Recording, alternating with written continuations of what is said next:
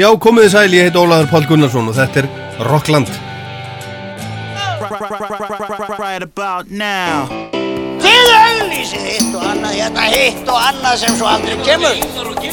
Það var bara ekki auglýst, það var auglýst hvennasöng.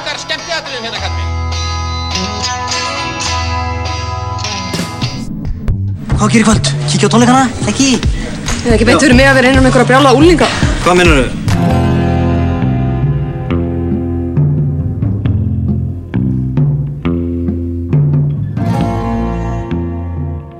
Í setniluta þáttarins rifjum við upp sólóferil Roberts Plant sem er orðin aðeins í langur.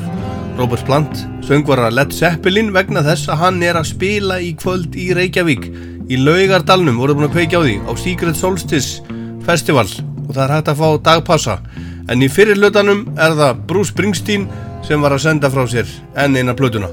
Hún er nummer 19 í rauðinni og til að gera langa sögustutta þá er þetta fínasta Plata hjá honum, yfirbræðið er rólegt, það er ekki mikill æsingur í 69 ára gamlum brús, útsetningar öðruvísi en áður það er uh, strengir og blástur á plötunni, þetta er svona strengja country, hann verður 70 úr í haust, platan heitir Western Stars og hefst á þessu lagi hérna sem heitir Hitchhiking á puttan. Some stuck out as I go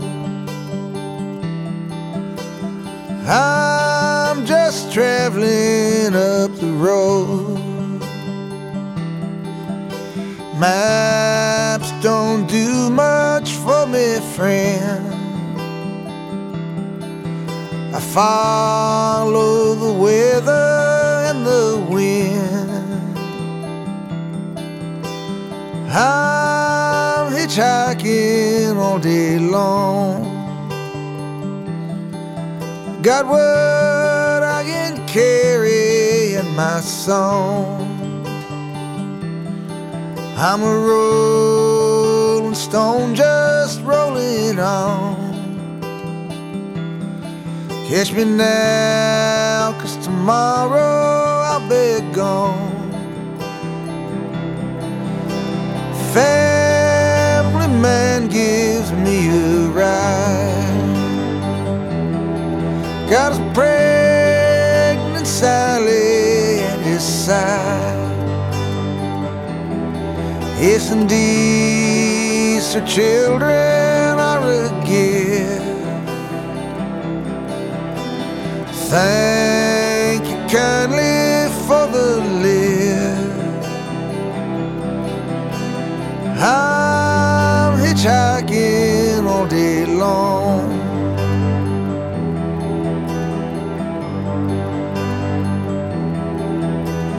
Trucker gears his engine down. Says, climb on up, son, I'm highway bound.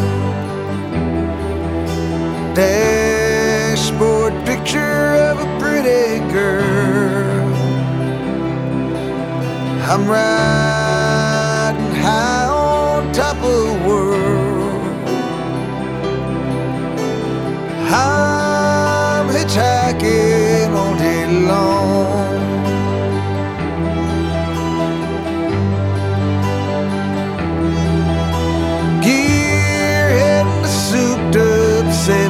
72. Wants to show you just what this thing will do. Telephone poles and trees go whizzing by. Thank you, pal, she sure can fly. I'm hitchhiking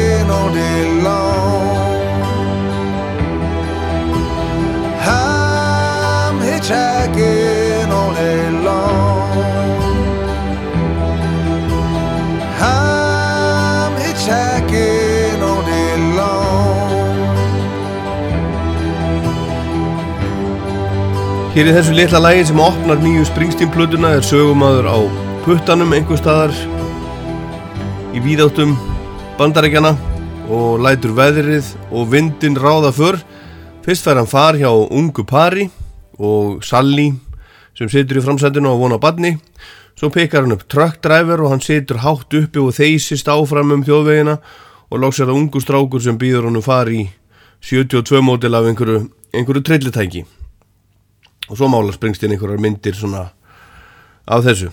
En þessi kallverður eins og ég sagði 70 núna í haust og einhvern veginn eru þeir sem að hafa skrifað um þessa nýju plötu svolítið sammálum um uh, að þeir hafi ekki átt von á þessari plötu eins og hún er. Hún er, hún er róleg og þægileg áhernar svona California country með strengjum og Brúsi segir í rólegheitum sögur af alls konar fólki sem hugsanlega hefur verið til og hugsanlega ekki.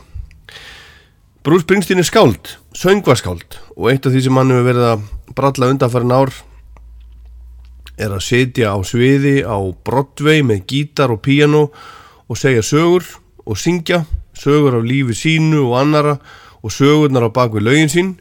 Þetta áttu fyrst að verða nokkur uh, kvöld Springsteen á Broadway en þessi nokkur kvöld urðu mjög mörg og á einum stað í, í sjóinu og tónleikaplötunni Springsteen on Broadway sem er að geima upptökur frá þessu Broadway sjói segir hann ég þekki í raun ekkert af þessu sem ég er að syngja um af einn raun.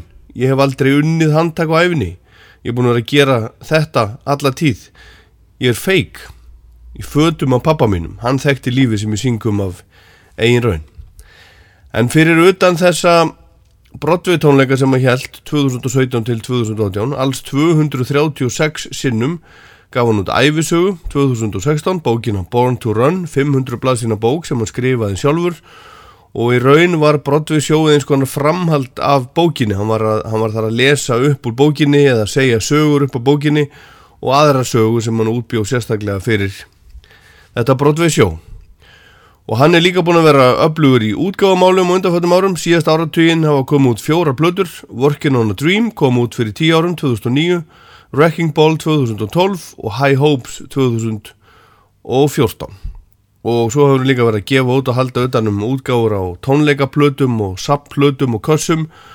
Og svo fór hann í tónleikaferðum heiminn þar sem Riverplatan frá 1980 var öll spilum meira minna og tilumni var útgáða The Ties That Bind The River Collection Box Set. Stór og mikill svona River kassi. Nóðu það, heyrum næst titila nýju plötunar, það heitir Western Stars og þar er sögumadur leikari sem í eina tíð vann með John Wayne.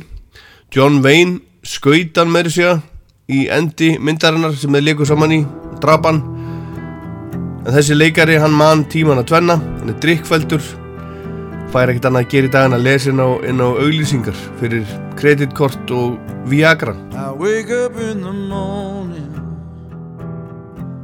Just glad my boots are on. Instead of emptying the whispering grasses Down the five forest lawn. On the set the makeup girl brings me Two raw eggs and a shot of gin and I give it all up for that little blue pill that promises to bring it all back to you again. Write me down easy, write me down easy, friend. Tonight the western stars are shining bright again. Here in canyons above sunset, the desert don't give up the fight. Coyote with someone's chihuahua and its teeth skitters across my veranda in the night. Some lost sheep from Oklahoma sips her mojito down at the whiskey bar smiles and says she thinks she remembers me from that commercial with a credit card. Hell, these days there ain't no more. Now there's just a game. Tonight the western stars are shining bright again.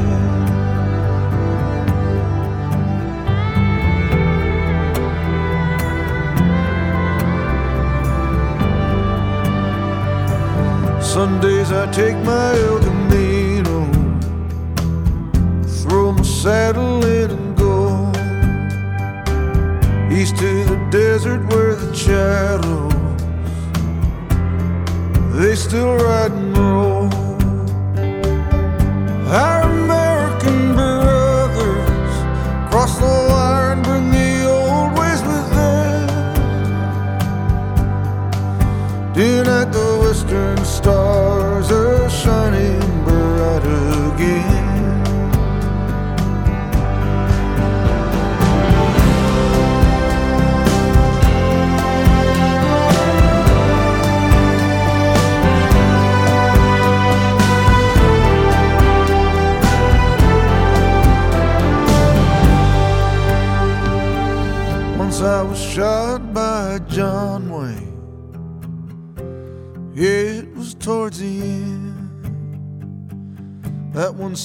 brought me a thousand drinks. Set me up and I'll tell it for you, friend. Here's to the cowboys, riders in the whirlwind. Tonight the western stars are shining bright again. And the western stars are shining bright again. Tonight the riders on sunset are smothered in the Santa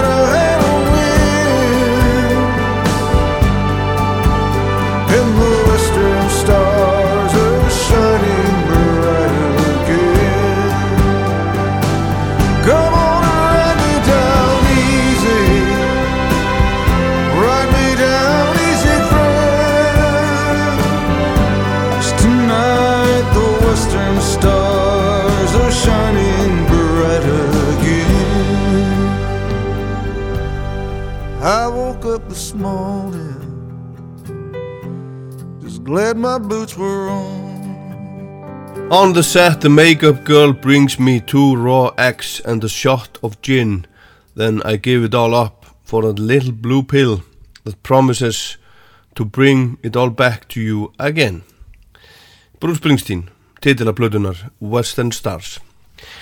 Bruce er mistari að segja svona sögur, sögur af alls konar fólki og yfirleitt er einhver, einhver treyi yfir sögunum, bara eins og þeir í lífinu og það er kannski og líklega þess vegna sem Bruce Springsteen nær svona vel til fólks. Hann er að syngja um lífið raunveruleikan þó svo personunar séu kannski skáldaðar.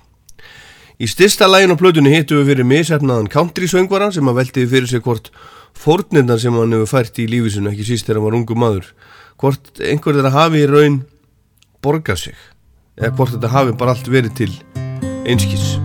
Somewhere North of Nashville Came in town with a pocket full of songs. I made the rounds, but I didn't last long. Now I'm out on this highway with a bone cold chill. Somewhere north of Nashville. I lie awake in the middle of the night, making a list of things that I didn't do right. With you at the top of a long page fill, here somewhere north of Nashville.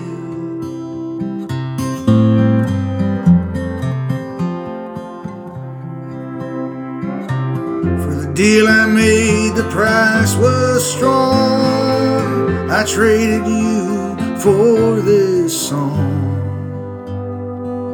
We woke each morning with hearts filled. A bluebird of love on the windowsill. Now the heart's unsteady and the night is still. All I got's this melody and time to kill. Here somewhere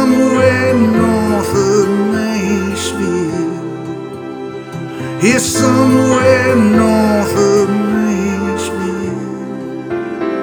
Here somewhere north of Nashville. All I got is this melody and time to kill here somewhere north of Nashville var þetta svo bara allt saman kannski til einskis spennur sig, svo sem að segja sögun í þessu lægi hérna á nýju Springsteen blöðinni Western Stars Springsteen hefur sjálfur sagt frá því að, að soundlega eigi þessi plata sér fyrirmyndir í, í silkimjúku Nashville soundinu 60s og 70s og nefnir það nöfni svo Jimmy Webb, Glenn Campbell, Harry Nilsson og Burt Bacharach svo einhverju sem nefndir sem fyrirmyndir.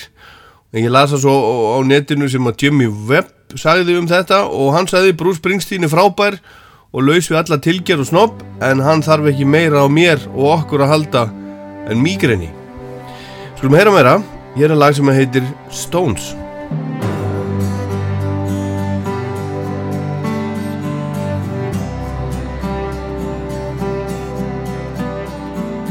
I woke up this morning with stones in my mouth. Said those were only the lies you've told me. Those are only the lies you've told me. I pulled my collar to the wind and spit them on the ground. You said those are only the lies you've told me. Those are only the lies you've told me. You sat on the edge of our bed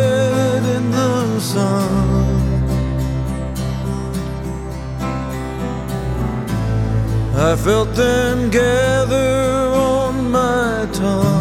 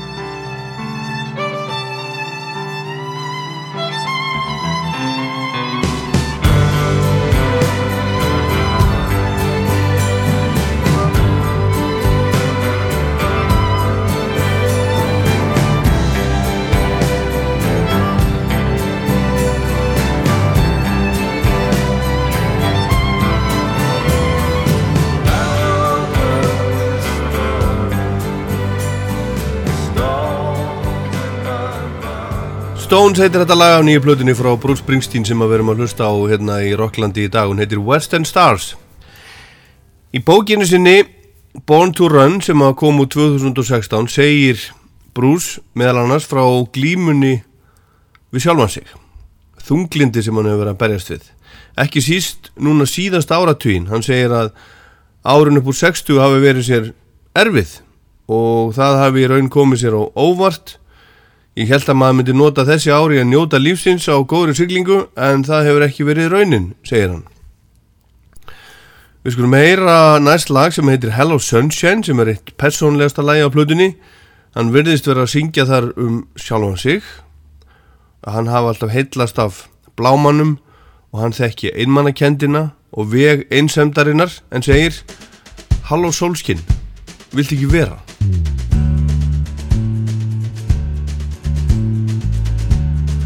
Had enough of heartbreaking pain. I had a little sweet spot for the rain. For the rain and skies of gray. Hello, sunshine, won't you stay? Know I always liked my walking shoes. But you can get a little too fond of the blues. You walk too far, you walk away. Hello, sunshine, won't you stay? Always loved a lonely town. Those empty streets, no one around. Fall in love with lonely, you end up that way. Hello, sunshine,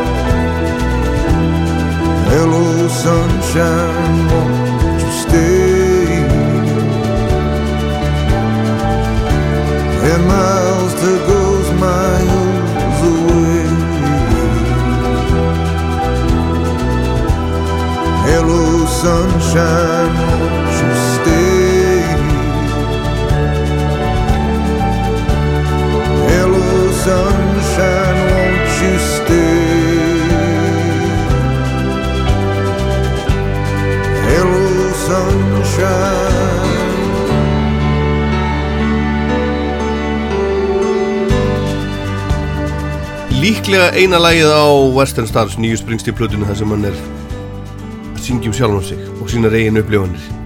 Hittir allt um sögur af, af hinn og þessu fólki. Ég held að þetta sé rétt hjá mér.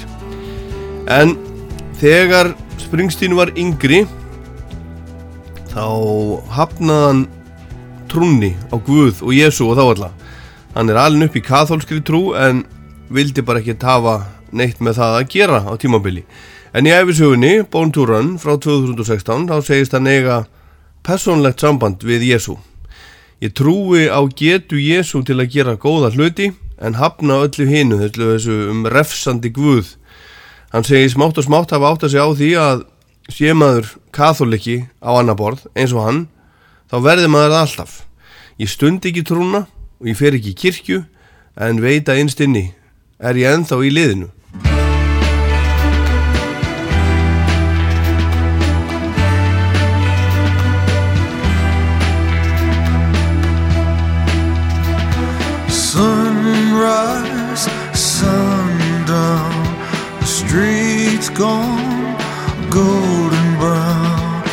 auburn skies above. I'm searching for my love, searching for my love.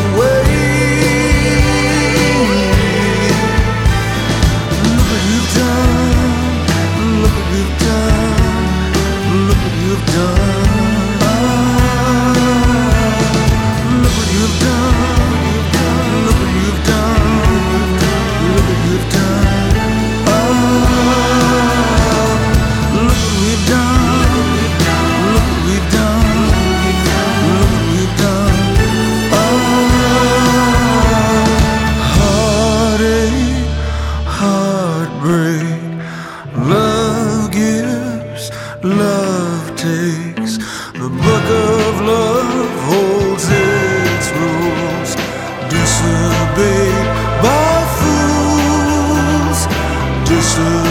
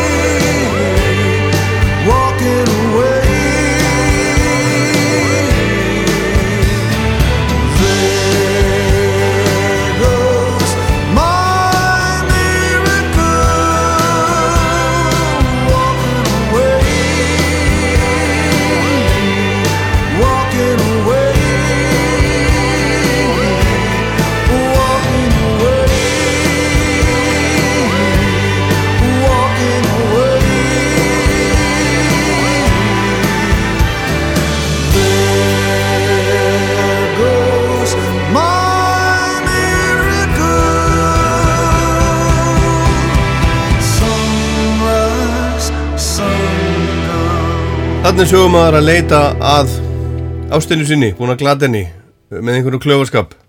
Hver hefur ekki lent í því? Bara með einni rángri ákvörðun einhver staðar það þarf oft ekki meira til. Heartache, heartbreak, love gives, love takes. The book of love holds its rules. Disobeyed by fools. There goes my miracle Walking away, walking away. Já, hún er farin. Kemur ekki aftur Heyrum meira þessari fínu blödu, þetta er fín plata, ég er jafnvel orðin, orðin sammála því sem að margir hafa sagt og skrifað undanfærið að þetta sé besta plata brús í mörg ár. Ég veit það samt ekki alveg, en svona með líður einhvern veginn þannig, þannig núna, eftir að búin að hlusta á hana nokkur sinnum. En síðasta plata var bandplata með Ístrítbandinu, High Hopes, sem kom úr 2014 Hún er alltaf öðruvísi heldur en þessi og líka síðasta solarplata, sem hann brús var án hljómsveitarinnar, er Devils and Dust sem kom úr 2005. Hann sagði í viðtali fyrir nokkrum árum að hann væri með rítstýplu. Það getur nú bara vel verið fylgifiskur þunglindis, fólk sem er þunglind er ekki skapandi, að minnstakosti ekki meðan það er ofan í hólu, það er bara þannig. Og Bruce sagði sem sagt fyrir nokkrum árum þegar hann var spörður um framtíð í strítbandsins að hann hafi ekkert geta samið fyrir hljómsveitina í svolítið tíma og hann væri bara ekki vissum að geta samið nokkuð framar. Það væri kannski bara búið upp sprettan þurr auðsinn. En svo kom bara alveg hellingur. Nýja platan og það er E-Street Band plata á leiðinni líka. Hann er búinn að semja helling þar, segir sagan, segir hann sjálfur, fyrir hanna. Við skulum heyra næst lag sem heitir Drive Fast, The Stuntman innan söga og fjallar um gamlan áhættuleikara stöndmann með ónýtan skrokk og hann sirkir liðin tíma og stúlkurna sem fór busted collarbone. Steel rod in my leg, but it walks me home. At night I climbed high into the boughs of our neighborhood's tallest tree. I don't remember the fear, just the breeze. Drive fast, fall hard. Keep you in my heart. Don't worry about tomorrow. Don't mind the scars. Just drive fast, fall hard.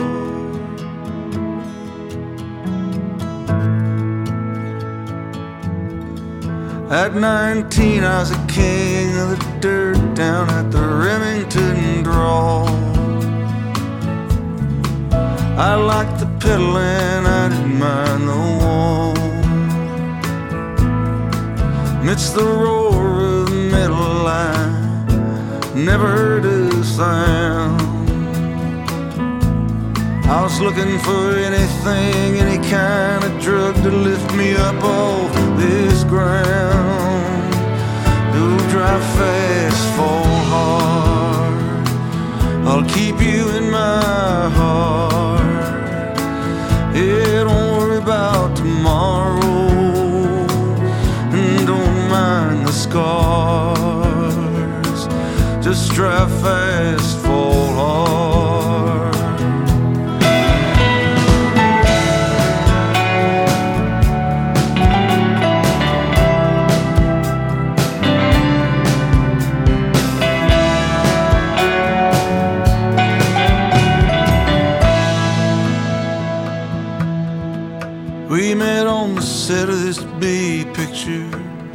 she made. She liked her guys a little greasy neath her pay grade. We headed down to Baja in the desert and made our stand ahead. Figured maybe together we could get the broken pieces to fit. Drive fast, fall hard. Keep me in your heart. Yeah, don't worry about tomorrow. Don't mind the scars. Just fall hard. I'll keep you in my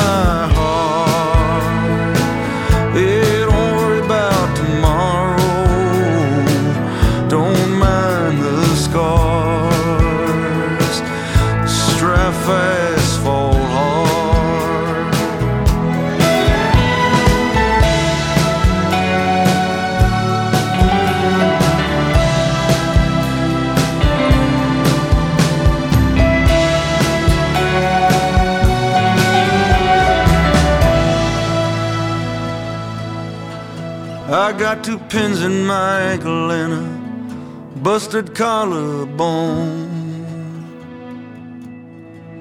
A steel rod in my leg, but it walks me home. Don't worry about tomorrow, don't mind the scar, just drive fast, fall hard Allir í steik, skrokkurinn í henglum og stúlkan löngu farin, Drive Fast, stuntman á nýju Springsteen blötunni, Western Stars.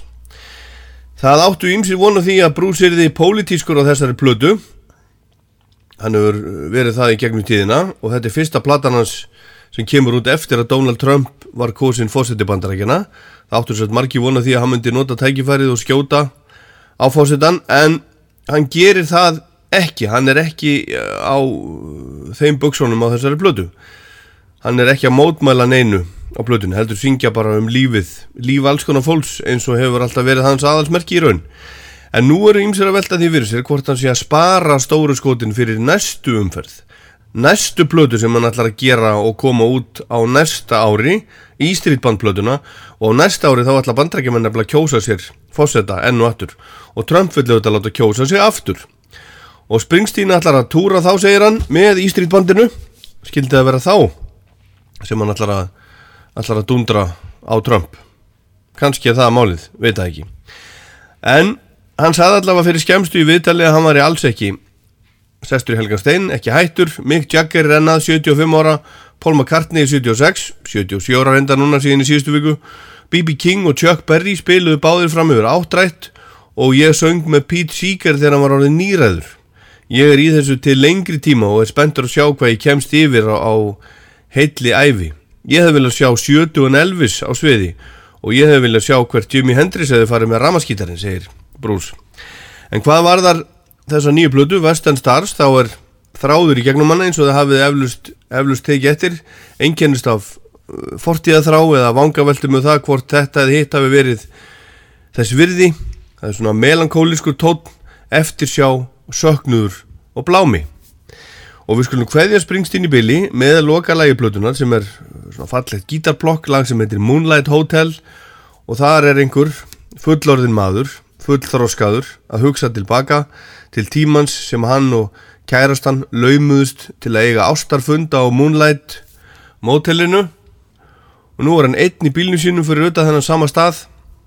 Það búið að loka, það búið að, að negla fyrir glukka og hurðir og hann situr út í bíl með Jack Daniels flösku í brevpoka hellir sér í staup hugsa tilbaka þau eru líklega löngu skilin hann og hún vegna þess að hann talar líka um, um börn og reikninga í læginu og einmanna rúm en hvað sem öllu líður þá er betra að hafa elskað en ekki segir hann. Moonlight Motel. There's a place on a blank stretch of road where nobody travels nobody goes and the desk man says these days round here. Well two young folks could probably up and disappear into rustling sheets of sleepy corner room and to the musty smell of wilted flowers lazy afternoon hours the Moonlight Motel.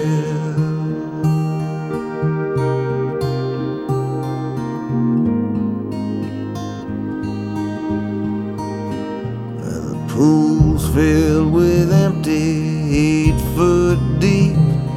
Got dandelions grown up through the cracks in the concrete.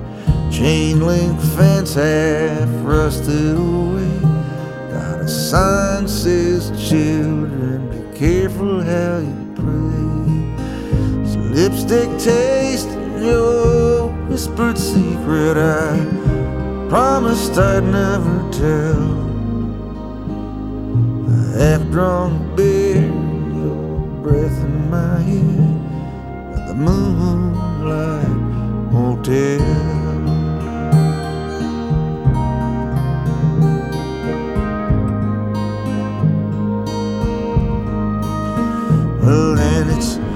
bills and kids and kids and bills and the ringing of the bell. Across a valley floor through the dusty screen doors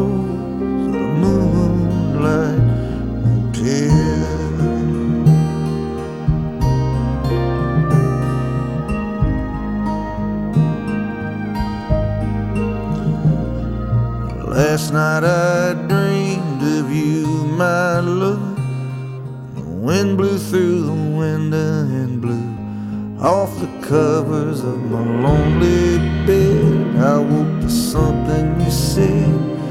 It's better to have loved, it's better to have loved as I drove. There was a chilling breeze and the leaves tumbled from the sky and fell road so black as I backtracked to the moonlight hotel.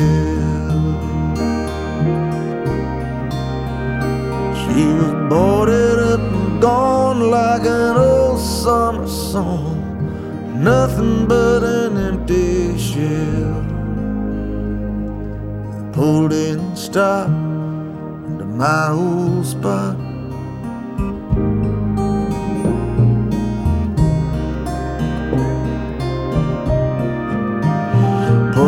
Bottle of Jack out of paper bag. Poured one for me and one for you as well.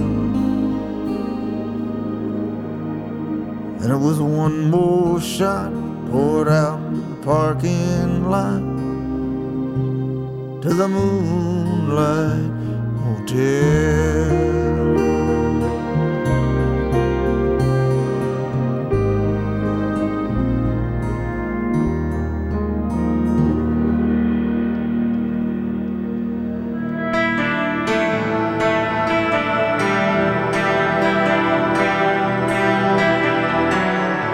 Hello, this is Chris, the singer of Coldplay, and uh, you're listening to Raustver, and the program is Rockland.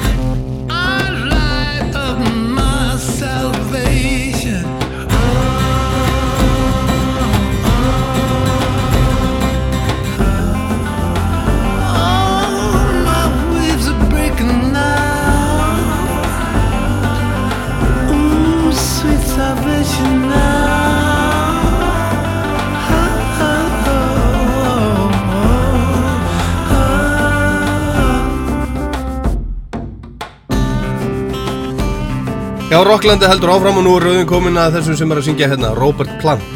Gullherða prinsinum frá West Bromwich á Englandi sem var söngvari í, í Led Zeppelin og ætlar að stiga á svið í Laugardalnum í Reykjavík núna í kvöld á Secret Solstice klukkan 10 það getur vel verið að einhver, ykkar hafi bara ekki ekki átt að sjá því, ekki vita það. En það er þetta ennþá möguleiki að komast það er þetta að kaupa dagpassa á Secret Solstice. Og, og, og Patti Smith er líka að spila á hljómsveitin Morchiba og Varmland og Vög, þetta er flottur dagur á Secret Solstice núna í dag.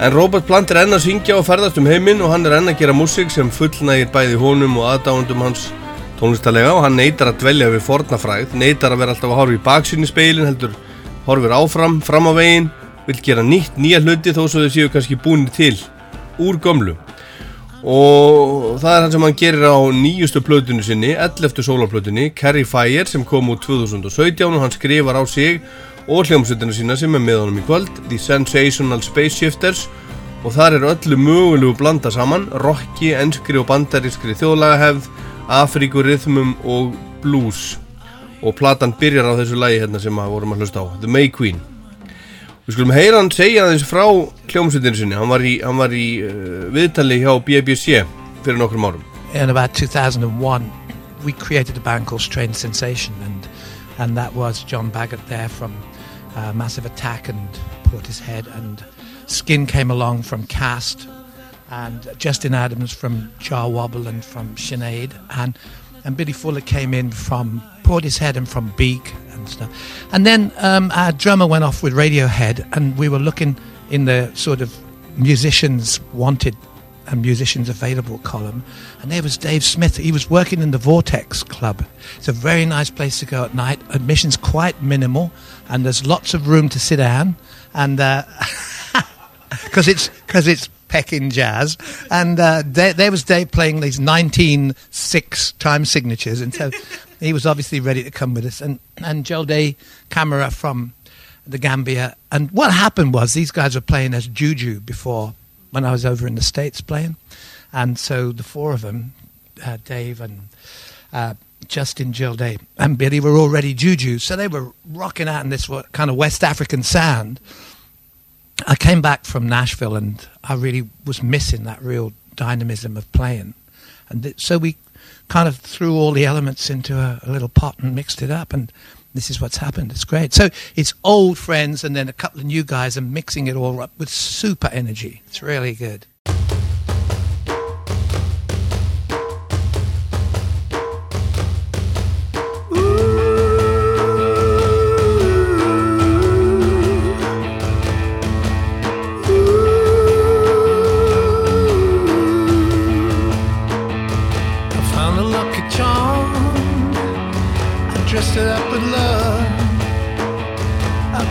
Seven seas to you. It be enough? And I will be a rainbow. Oh, now your storm is gone. And I will bring the song for you. And I will carry on.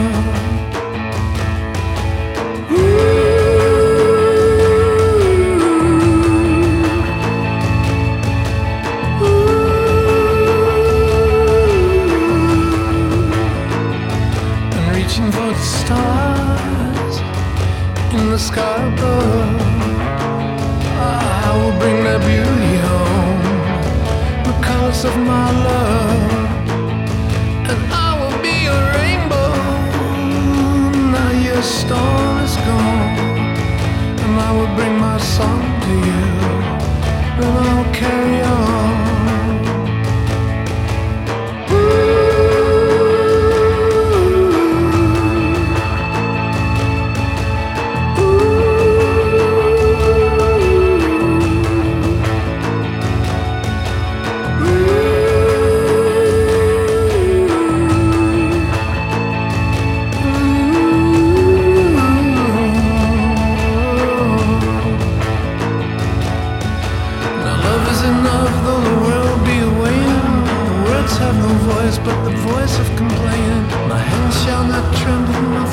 Not falter, the void shall not weary, the fear shall not alter. Mm, it's rainbow, oh, it's rainbow. Oh, can you see the eyes, the eyes of lover? Þetta er lægið Rainbow af plötunni Lullaby and the Ceaseless Roar sem kom út 2014 með Robert Plant og hans hljómsveit tíunda soloplatan hans náði öðru sæti breska vinsættalistans þegar hún kom út. Og hljómsveitin hans Robert skipa núna í dag menn úr ýmsum áttum sumir voru með honum fyrir rúmum áratug í hljómsveitinni Strange Sensation sem kom með honum hingað til Íslands 2005 en aðrir hafa ekki verið eins lengi en þetta eru kallar sem hafa spilað með Sinead O'Connor Cast frá Liverpool, Jav Wobble, Massive Attack, Portishead, Brian Eno og svo, svo framvegis. Og svo er einn náðingi frá Gambíu, Afríku, spilar á hljófæri frá Afríku. Og það er eiginlega þannig að það vekur alltaf aðtikli þegar Robert Plant gefur út plötu. Hann þykir yfirleitt hafa að spila vel á sínu spilum og hann nýtur virðingar innan músikheimsins alls. Það er ekki bara það að hann hafa verið söngvari einnar áhrifamestu og mögnuðustu rock sveitar sögunar Led Zeppelin heldur hefur hann að halda kúlinu allt fram til dagsins í dag með því að halda sífælt áfram en stóla ekki á eitthvað sem hann gerði þegar hann var rúmlega tvítur kynták sem að leita út eins og svona hálfgerður guð gætt sungið eins og engill. Engill sem barðist reyndar við drísla og dára með magnari einstakri röttsinni og röttin er svona uh, mikið til svo sama. Hún hefur aðeins stífkað og hún er dekkurinn en, var en ég held að hann geti ekki kannski allt en margt af því sem hann gatt fyrir 45 áru síðan. En í dag er hann reynslunni ríkari og veit að allur slíkur rempingur og öskur myndu slábdra röttinni bara á sveipstundu þannig að hann lætur að döga að sína bara hluta því sem hann getur, svona yfirleitt. Og hann hefur reyndar verið að tjási svolítið um það á undanföldum árum að hann skammi sín halvpartin fyrir hvernig hann gargaði og gólaði út í eitt með Led Zeppelin í gamla daga. En við skulum fara hérna næst aftur í tíman, við, við skulum skoita fram hjá Led Zeppelin í dag en skoða soloferil Roberts Plant í tilbyrnu þess að hann er að koma. Fyrsta soloplatan sem heitir Pictures at Eleven kom út 1982, tveimur árum eftir að trommari Zeppelin, John Bonham, drakk sig í hel og dó, blessaður, og hún gekk alveg þokkalega þessi plata, náðu öðru sæti breska vinsættilistans og fymta sæti í bandarækjanum. Og þetta er 80's en alveg svona frum 80's, við verðum að muna að, að þarna er söngvari stærstu rocksveitar áratugarins á undan að reyna að feta stígin áfram í nýri tilveru og þetta er svolítið meira pop en hann hafi verið að gera Phil Collins er hérna með honum að tromma sá hinn sami og tók svo þátt í að eidilegja næstu því arleðs Led Zeppelin á Live 8 nokkrum áru síðar. Hann spilaði með Led Zeppelin á Live 8 en heyrim hérna Burning Down One Side. Og svo við áfram með soloferil Roberts Plant hérna í setni hluta þáttarins rétt og eftir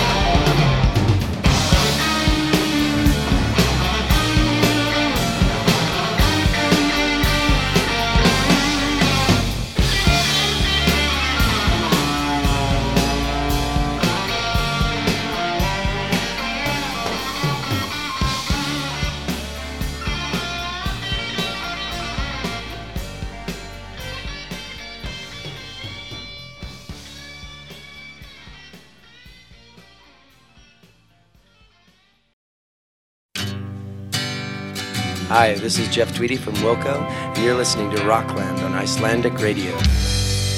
Já, þetta er Rockland á Rástvögi, ég er Ólaður Páll og við erum hérna í miður kafi að fara yfir soloferil Roberts Plant sem að er að spila í kvöld, hvorki minni minna í laugadalnum á Secret Solstice hátíðinni klukkan 10 með hljómsveitinni sinni, frábæri hljómsveit vorum að hlusta á lag af fyrstu soloplötunans sem kom út 1982 heitir Burning Down One Side kom út tveimur árum eftir að John Bonham trommari Led Zeppelin lest platan heitir Pictures at Eleven og kannski er þetta bara í, í beinu framaldi, rökriðt framhald af síðustu blödu Zeppelin In Through the Outdoor sem kom út þreymur árum fyrr, þannig er engin Jimmy Page við hlið Roberts heldur náungi sem heitir Robbie Blunt og var með honum hann á fyrstu blötunum hans, spilaði setna með Tom Petty og Klannat til dæmis og það var útgáfa fyrirtæki Seppelin, Swan Song sem gaf þessa fyrstu plötu Roberts út en þegar önnurplatan The Principle of Moments kom út árið eftir 83 var búið að loka þar skelli lás og Roberts stopnaði sitt eigi fyrirtæki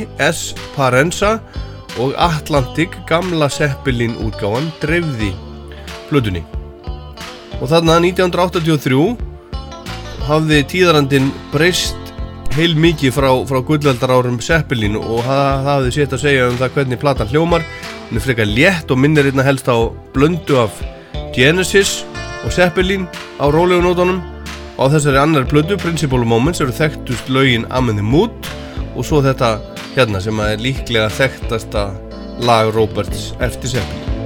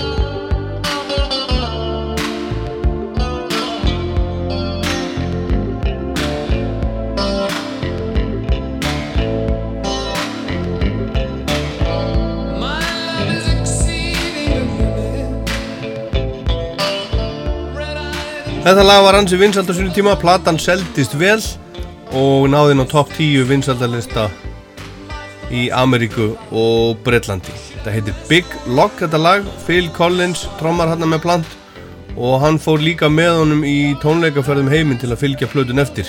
Þó svo hann var í superstjarnar sjálfur á þessu tíma, þetta vinsalasti söngvari heims með hljómsveitinni sinni Genesis og líka að gera soloplötur.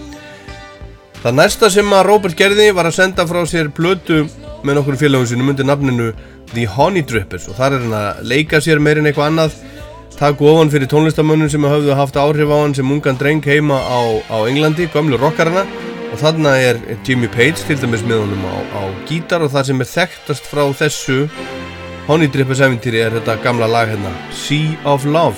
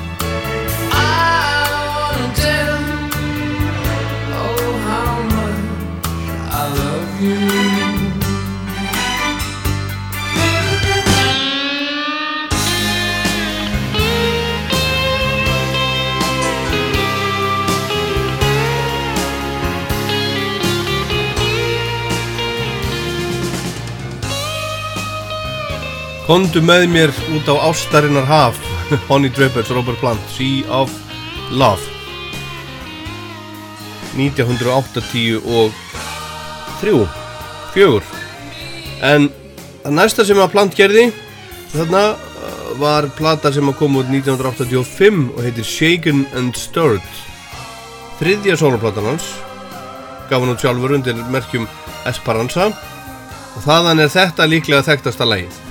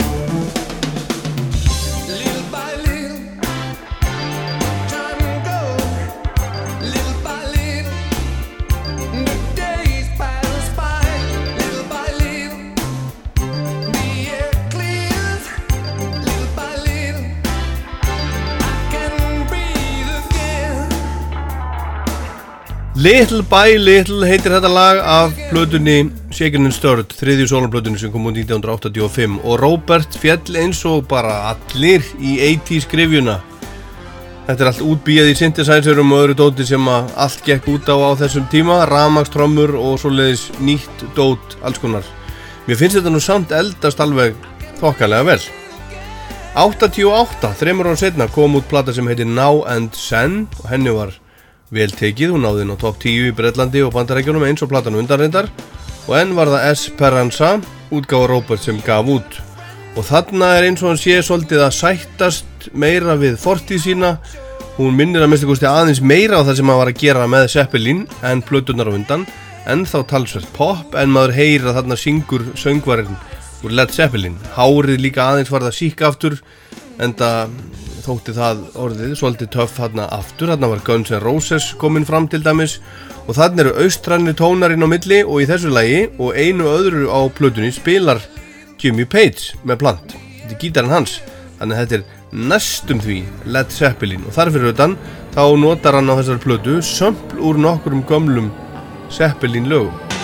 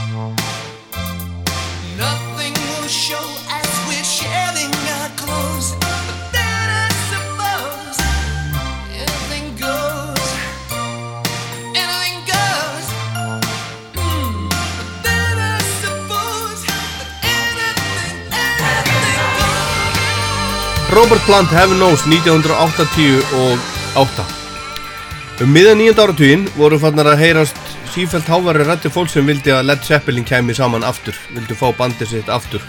Og ungu og nýju spennandi hljómsveitirnar voru fannar að tala í viðtölum um Led Zeppelin sem sína helstu áhrifavalda og svona. Og Plant svaraði kallið tíman svolítið með þessari plötu Now and Then sem að myndi að ymsu leiti á Zeppelin eins og heyra má í þessu lægi og Jimmy Page er þarna með honum líka en Plant létt hafa eftir sér í viðtali fyrir nokkrum árum að hann var ekki alveg nú ánað með þessa plötu. Hún var í svolítið batsins tíma. Hann og þeir sem hann var að vinna með þarna hafi tapað sér svolítið í, í tækninni.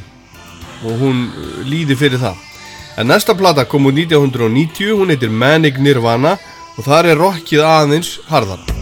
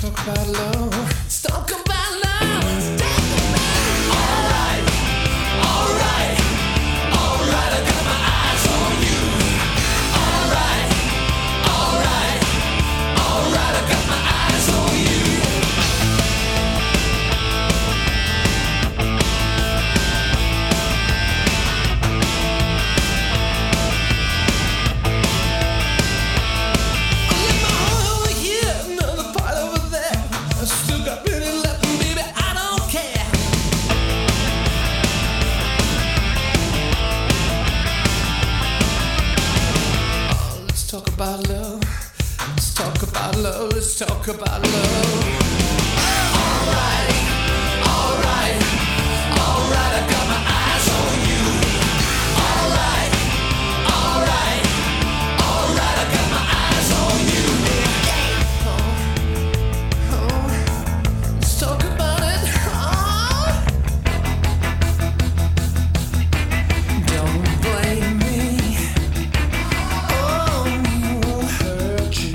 Ó, ó, ó, segir Robert Plant í þessu lagi sem heitir Hurting Kind I've Got My Eyes On You. Þetta er uppáfslægið af 50 sólarplötu Roberts.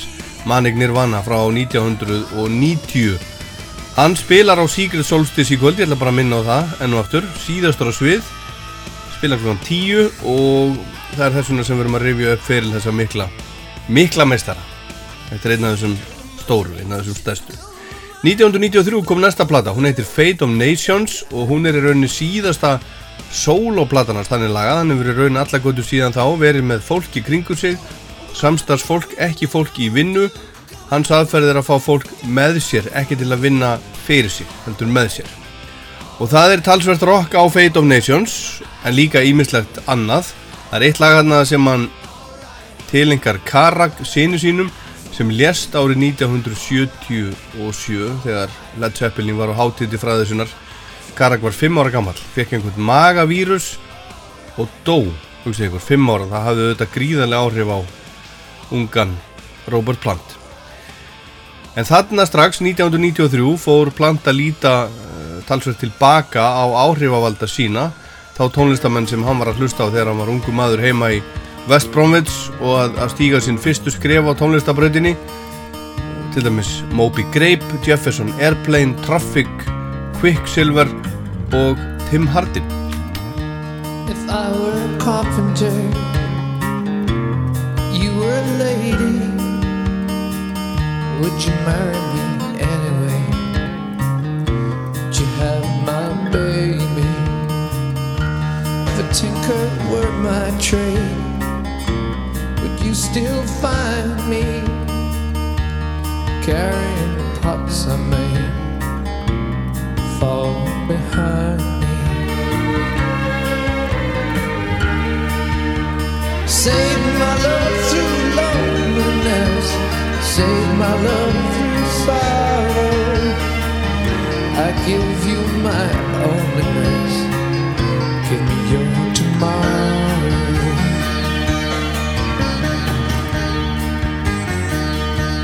I work my hands in wood, oh, would you still love me? Answer me. Yes, I would. I put you me. If miller were my trade, I'd mill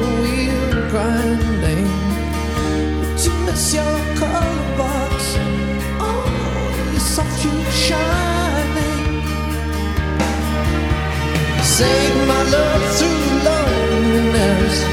Save my love through sorrow.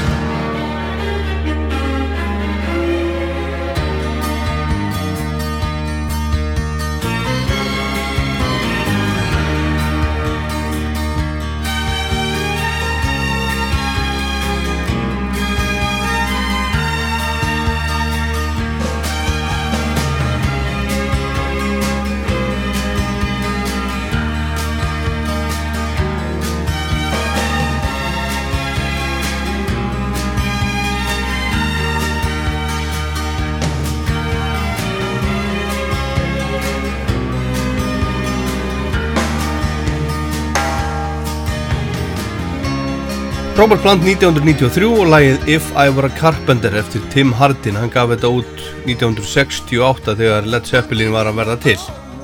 Og þarna upp úr þessu þá tókur upp úr því að spila saman við sérstök tækifæri Plant, Page og John Paul Jones þrýr fjóruðu af Led Zeppelin. Stundum var Phil Collins með þeim og Jason Bonham sonur Johns Bonham var einhvern tíma með líka. Þetta var bara svona við sérstök sérstök tilöfni bara og ekki fullir koncertar og margir byðu spenntur eftir því að Led Zeppelin auglist í tónleikaferðum heiminn en það hefur ekki ennþá gerst og gerist líkast til aldrei en þeir Plant og Page fór að vinna saman árið 1994 settu saman hljómsveit. John Paul Jones var ekki með hann þetta var ekki Zeppelin bara Plant og Page. Plant fekk Tindarsson sinn með sér á bassan Charlie Jones heitir hann og hefur spilað mikið með hljómsveitinni Goldfrapp til dæmis Þeir fengu trommaran Michael Lee með sér og breska symfóníljómsveit og stóra hljómsveit tónlistamanna frá Morocco. Bandi túraði um heiminn, þessi, þessi, þessi fjölmenni hópur, undir nafninu Plant and Page og á efniskráni voru Zeppelin slagarar eins og Gallows Pole, Since I've Been Loving You og fleiri. Það var gerður sjónvastáttur um þetta skemmtilega en dáliti sérkennilega samstarfið þegar sem er ferðaust um allan heim og heldur tónleika og ég var svo heppinn að fá að sjá þetta mitt á Glastonbury árið 1995 og get sagt að það voru reynd út sagt frábærir tónleikar. Minningunum voru þeir alveg frábærir. Það er reynda langt síðan og, og, og, og það fennir í, í spórinn og það allt saman en þetta var frábær, minningin er frábær.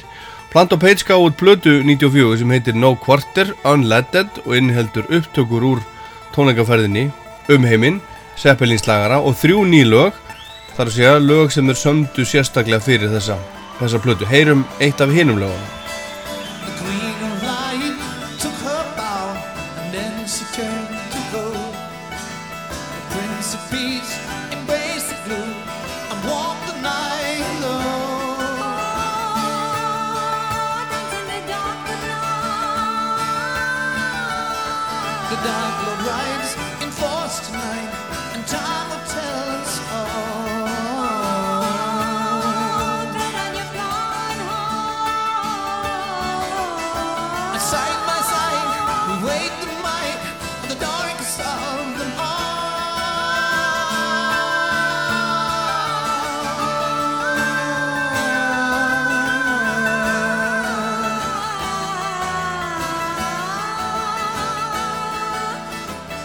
I hear the horses thunder down in the valley below.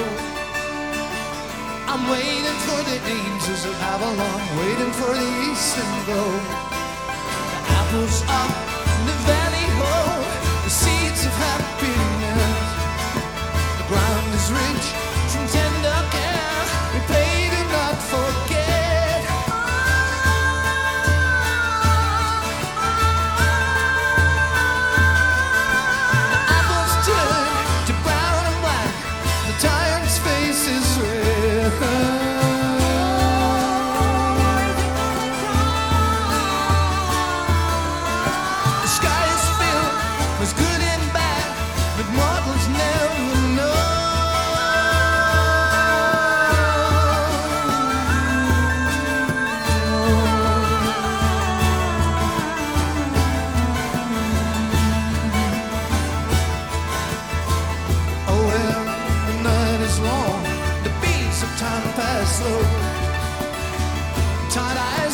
Sunrise, waiting for the eastern glow. The pain of war cannot exceed the woe of aftermath. The drums will shake, the castle wall, the ring raised right and black.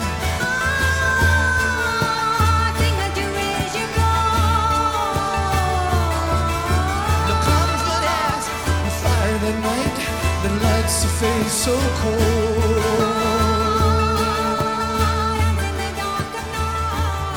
Svona var þetta þá og síðan eru liðin mörg ára, það eru mörg ár síðan þetta var, þetta eru 25 ár síðan þetta var tekið upp. Led Zeppelin lægið The Battle of Evermore flutt þarna á Plant og Page árið 1994 og eftir ferðarlægið um heiminn þá gerðu þeir Plant og Page það sem að kemst næst til að vera að plata með Led Zeppelin. Þeir gerðu sem sagt stúdioplötu sem heitir Walking into Clarksdale og er fínasta plata. Það er til dæmis eitt lag sem að ég held mikið upp á og heitir When the World Was Young. Skulum heyra það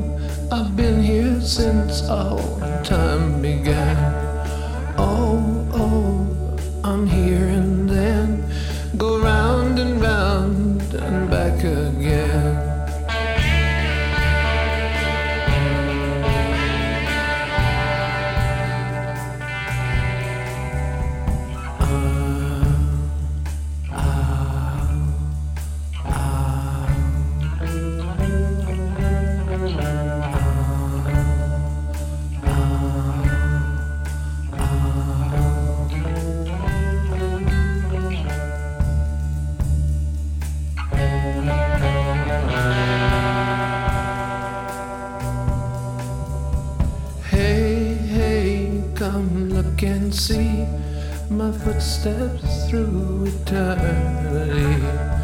Right hard, strong and free, the messenger will hold the key.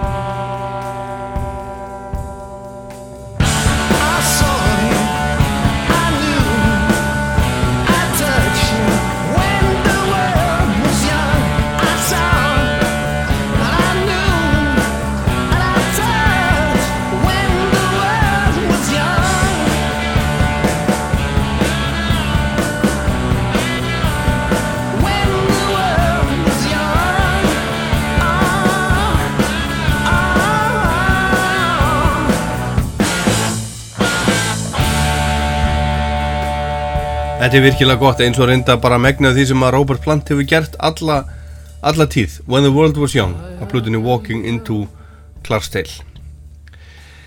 Þessi plata kom 1998 og gekk vel í fólk.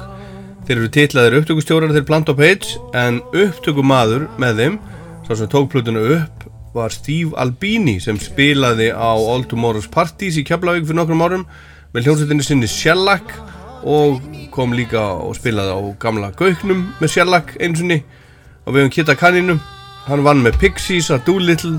Hann gerði In Utero með Nirvana og vann með Enzyme líka til dæmis merkilegu náðingi, Steve Albini. En það næsta sem að kom frá Robert Plant þarna var þetta sér búið, þeir, þeir kláruðu samstarfið þarna Plant og Page með þessari blödu og svo sendi Plant frá sér blöduna Dreamland árið 2002 og hann var fyrsta soloplatan hans í nýju ár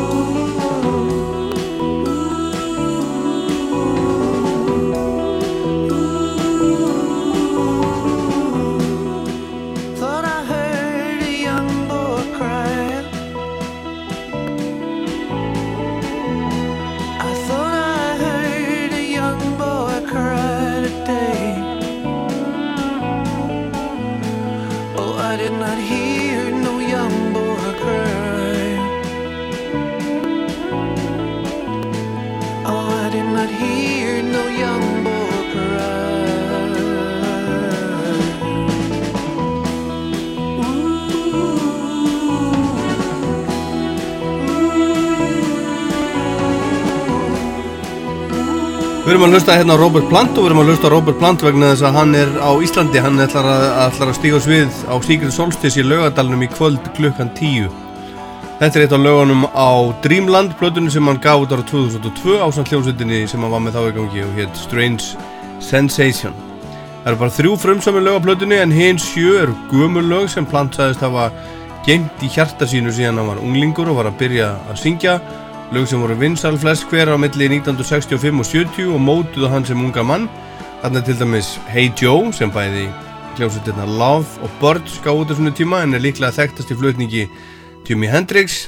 Þetta lag Morning Dew er til með Grateful Dead og Rod Stewart til dæmis en Plant söng þetta fyrst árið 1967 með hljómsveitinni Band of Joy sem hann var í ásamt John Bonham trommara Zeppelin áður en Zeppelin var til. Tim Buckley Fadir Jeffs Buckley hann samti lag sem að heitir Song to the Siren gaf það út á plutunni Star Sailor 1970 það er hann á þessari plutu og svo er líka One More Cup of Coffee eftir Dylan sem að Dylan sjálfur gaf út á plutunni Desire 1976 og hann flytur alveg stórkostlega í nýju heimildamyndinni Rolling Thunder review sem að Martin Scorsese gerði, ég horfði á hana bara núna í, í, í fyrradag, mælum henni, hún er alveg, alveg frábær en heyrum plantaðin segja frá þessari plötu, Dreamland These new, new old songs I've been carrying around in every form and format since the days that they were released originally. In my history as a singer and as a writer, a lot of the music that I've been involved with has had a, a blues base. The songs carry a lot of heart and they come from a period of time that was very um, influential and very big effect on my time and my life and my appreciation of what music really can be responsible for. It was a time of social commentary in America. The mid to late 60s was a pretty heavy time out there, and um, popular music rose to the responsibility of actually having a voice. I wanted to put myself and the musicianship of the people around me into these tunes and breathe some new life out of them. Darkness, darkness, be my pillow. Take my head and let me sleep in the coolness of your shadow, in the silence of your deep.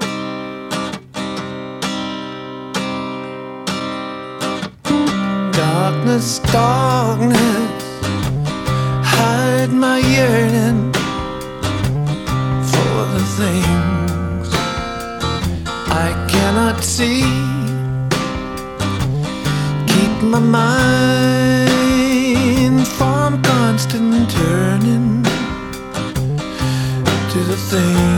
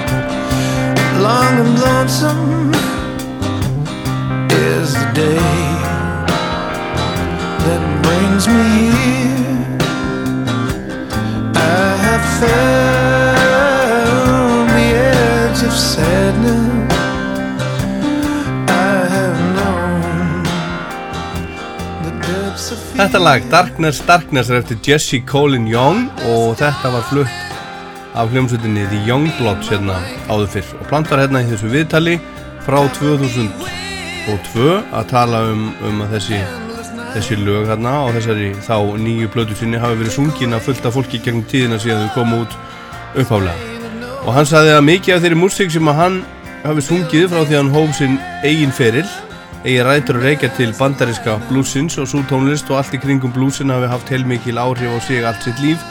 Og í gegnum bluesin hafa hann uppgötað hvaða áhrif tónlist geti haft á fólk í raun og veru. Og hann bætti við að með þessari nýju plötu sinni hafa hann viljað leggja sitt að mörkunum til þessari komlu laga og gefa þeim þannig nýtt líf. Og 25. apríl 2005 senda frá sér enn eina plötuna. Hún heitir Mighty Rearranger fín og þar er hljómsveitin Strange Sensation með honum I think I found my muse again at last. Yeah, we've made a collection of songs which has really brought me right back into focus as a writer and as a, I think, lyrically and vocally. I mean, with the greatest collection of guys, they, and the influences and their history, if you like, is so varied. Coming from Portishead and Jar Wobble, and Skin joined us uh, about 18 months ago from Cast, the Liverpool band, and it's just a, it's an absolute joy to be amongst these guys. Great music, great influences all over the place.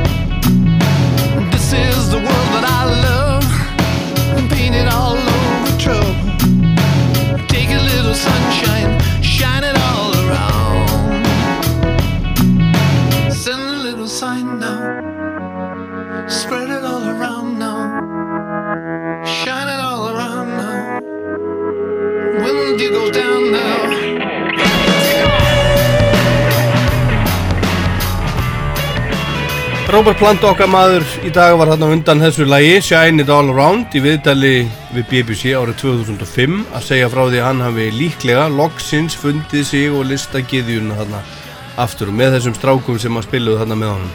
Af hann samið þessi fínu lög sem eru á blöðunni Mighty Rearranger sín bestu bæði músiklega og textalega í langan tíma.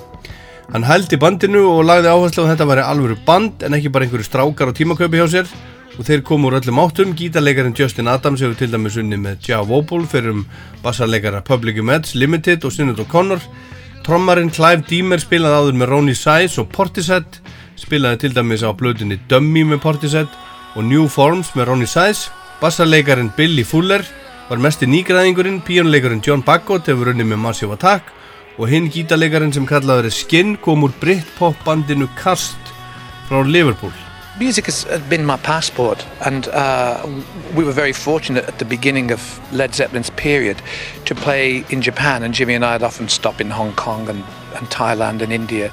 And we went to Thailand in 1970 when there were no Westerners there, and we experienced these amazing culture shocks and kindness that you would never believe.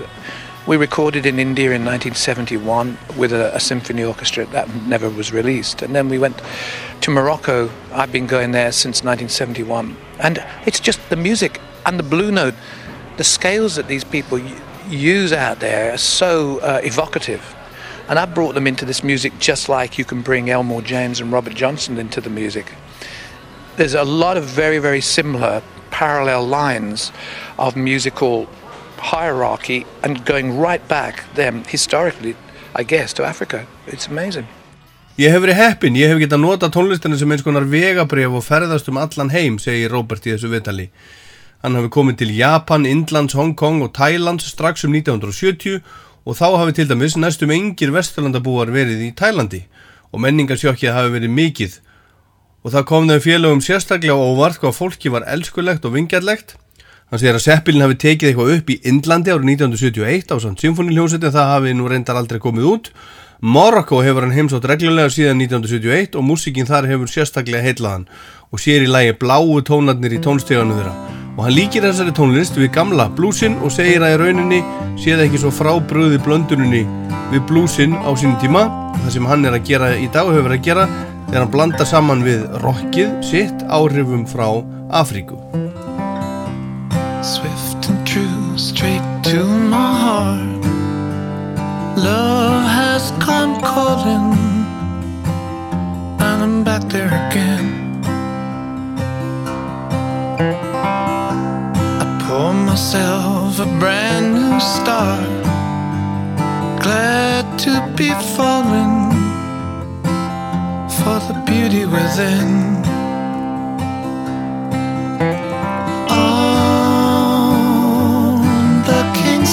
Horses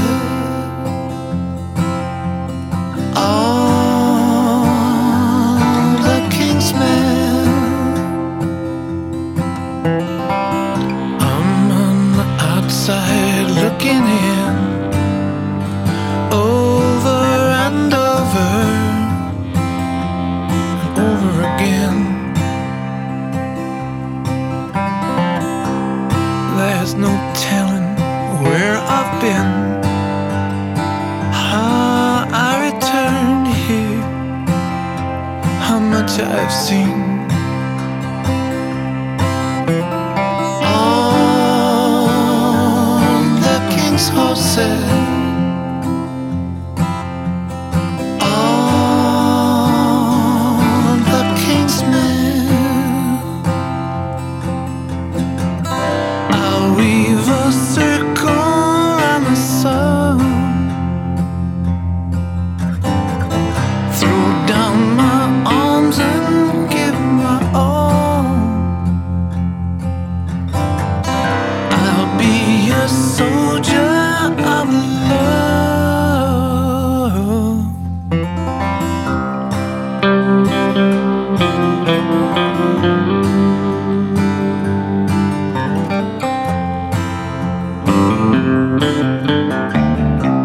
Þetta finnst mér ekki ljótt og ekki leiðilegt. Robert Plant, All the King's Horses og þessi náingi hann heimsótti Ísland í annarsinn 22. april 2005 tveimur dögum áður en þessi plata kom út helt tónleika í Ljóðarsvöldinni þar sem hann spilaði með Led Zeppelin fyrst fyrir hálfri öld eða svo og hann er í Ljóðardalunum aftur í kvöld í þriðarsinn á Sigrid Stolstisháttíðinni klukkan 10 Hann fekk mjög góða dóma fyrir þessa plötu og sumir sögðu að hún var í besta platana síðan Physical Graffiti kom út 1975 þannig að segja Zeppelin platan Physical Graffiti og 75 áttu nokkara fínar Led Zeppelin plötur með þessi eftir að koma út og svo allar sólarplötunar og aðrar plötur sem hafa komið út með honum árin 25 þarna á milli, rúmlega 10 plötur í það heila Það næsta sem að Robert gerði eftir þetta var svolítið magnað og vakti mikla aðtegli. Hann fór til Ameríku og gerði plötu með country söngkonu Alison Krauss. Já, hún er country söngkona ef við einföldum málið talsvert og mikil, mikil dífa og drotning. Upptökustjóri var T-Bone Burnett sem setti laugin í sinn sérstakka búning og stíl og það er skemst frá því að segja að þessi plata sló algjörlega í gegn kom út í lok oktober 2007. Caught out running with just a little too much to hide. Maybe, baby, everything's gonna turn out fine. Please read the letter. I nailed it to your door. It's crazy how it all turned out. We needed so much more.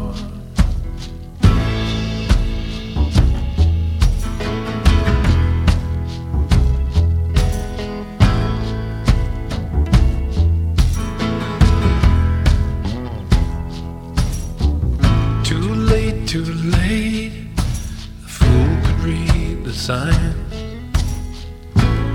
Maybe, baby, you better check between the lines. Please read the letter. I wrote it in my sleep with help and consultation from the angels of the deep.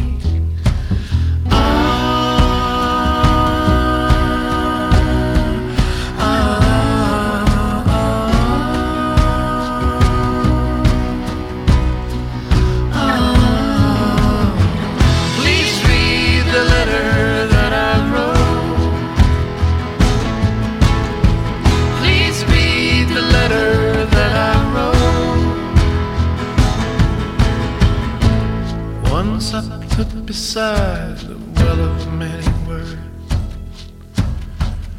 My house is full of rings and charms and pretty birds. Please understand me. My walls came falling down. There's nothing here that's left for you. Check with lost and found.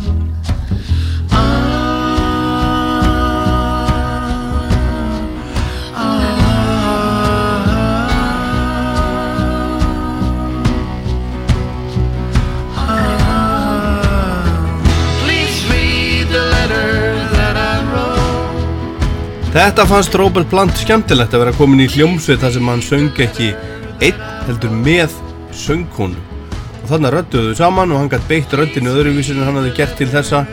Platan þessi með Robert Plant og Alison Krauss seldist vel, náðu öðru sæti vinsaldalistana bæði í Breitlandi og Bandarækjunum og hún var tilnæmt til Mercury velununa 2008 og hlaut öll 5 Grammy velunin sem hún var tilnæmt til. Uh, plata ásins Best Contemporary Folk American Album um, upptak ásins fyrir Please Read the Letter Best Pop Collaboration with Vocals fyrir lag sem heitir Rich Woman og besta, uh, Best Country Collaboration with Vocals fyrir lag sem heitir Killing the Blues. Plant var sagt á fullu gasi með Alison Krauss að fylgja þessu eftir þessar blötu þegar Led Zeppelin kom saman líklega í síðasta sinn ever í O2 Arena í London 10. desember 2007 Það voru frábæri tónleikar sem voru myndaðir og hljóðritaðir settir í bíó og gefnir út á allan mögulegan hátt. Jason Bonham, sonu trommurleikarans Johns hann trommaði í staðu löngu látins föður og fólk sagði eftir tónleikana Já, strákurinn getur nú alveg trommað. En strákurinn var rúmlega færtugur og búin að vera að tromma alla sína æfi Það voru einhverjar þreyfingar þarna eftir um það hvort að gera eitthvað meira hvort það er tónleikaferð um heiminn eða eitthvað svona en úr því hefur ekkert orðið og ég á ekki vona á að það verði úr þessu. Plant hafði fyrst nóg að gera með Alison Krauss, var að ferðast um heiminn og spila fyrir fólk nýja músík og hafði gaman að því, þurfti ekki vera að spá í gigantískar vendingar fólks eins og raunin hefði verið ef hann hefði verið að spila með Led Zeppelin. Það er ábyggilega svolítið eins og alla, alla fljúa risaðilu, snakk og taumlust. Það voru alls konar hluti rættir innan hljómsveitarinnar til dæmis að þeir hinir þrýr Jimmy Page, John Paul Jones og Jason Bonham myndu fá einhvern annan söngvara með sér undir merkjum Led Zeppelin. Hljóma nú alveg, alveg glatað en, en þetta var rætt í alverðinu og nöfnum eins og Steven Tyler voru með að segja rætt en það varð ekkert úr því sem betur fyrr og Robert Plant sagði það er eins og fólk skilji ekki að ég hef ímislegt annað að gera en að syngja með Led Zeppelin eins og til dæmis að syngja með, með Tuareg hyrðingjum sem búa í Sahara eðmörkjunni og svo gaf hann út nýja blödu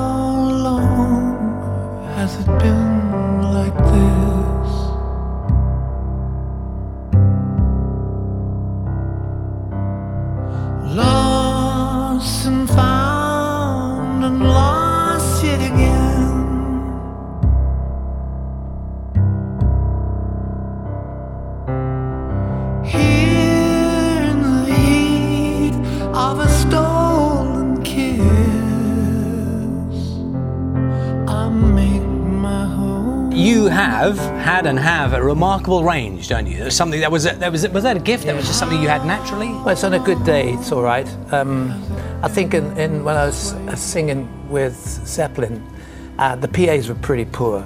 The sound systems weren't very good, and I know that the guys like to play in E, so you get a lot of open chords, you get a lot of resonance on the guitar.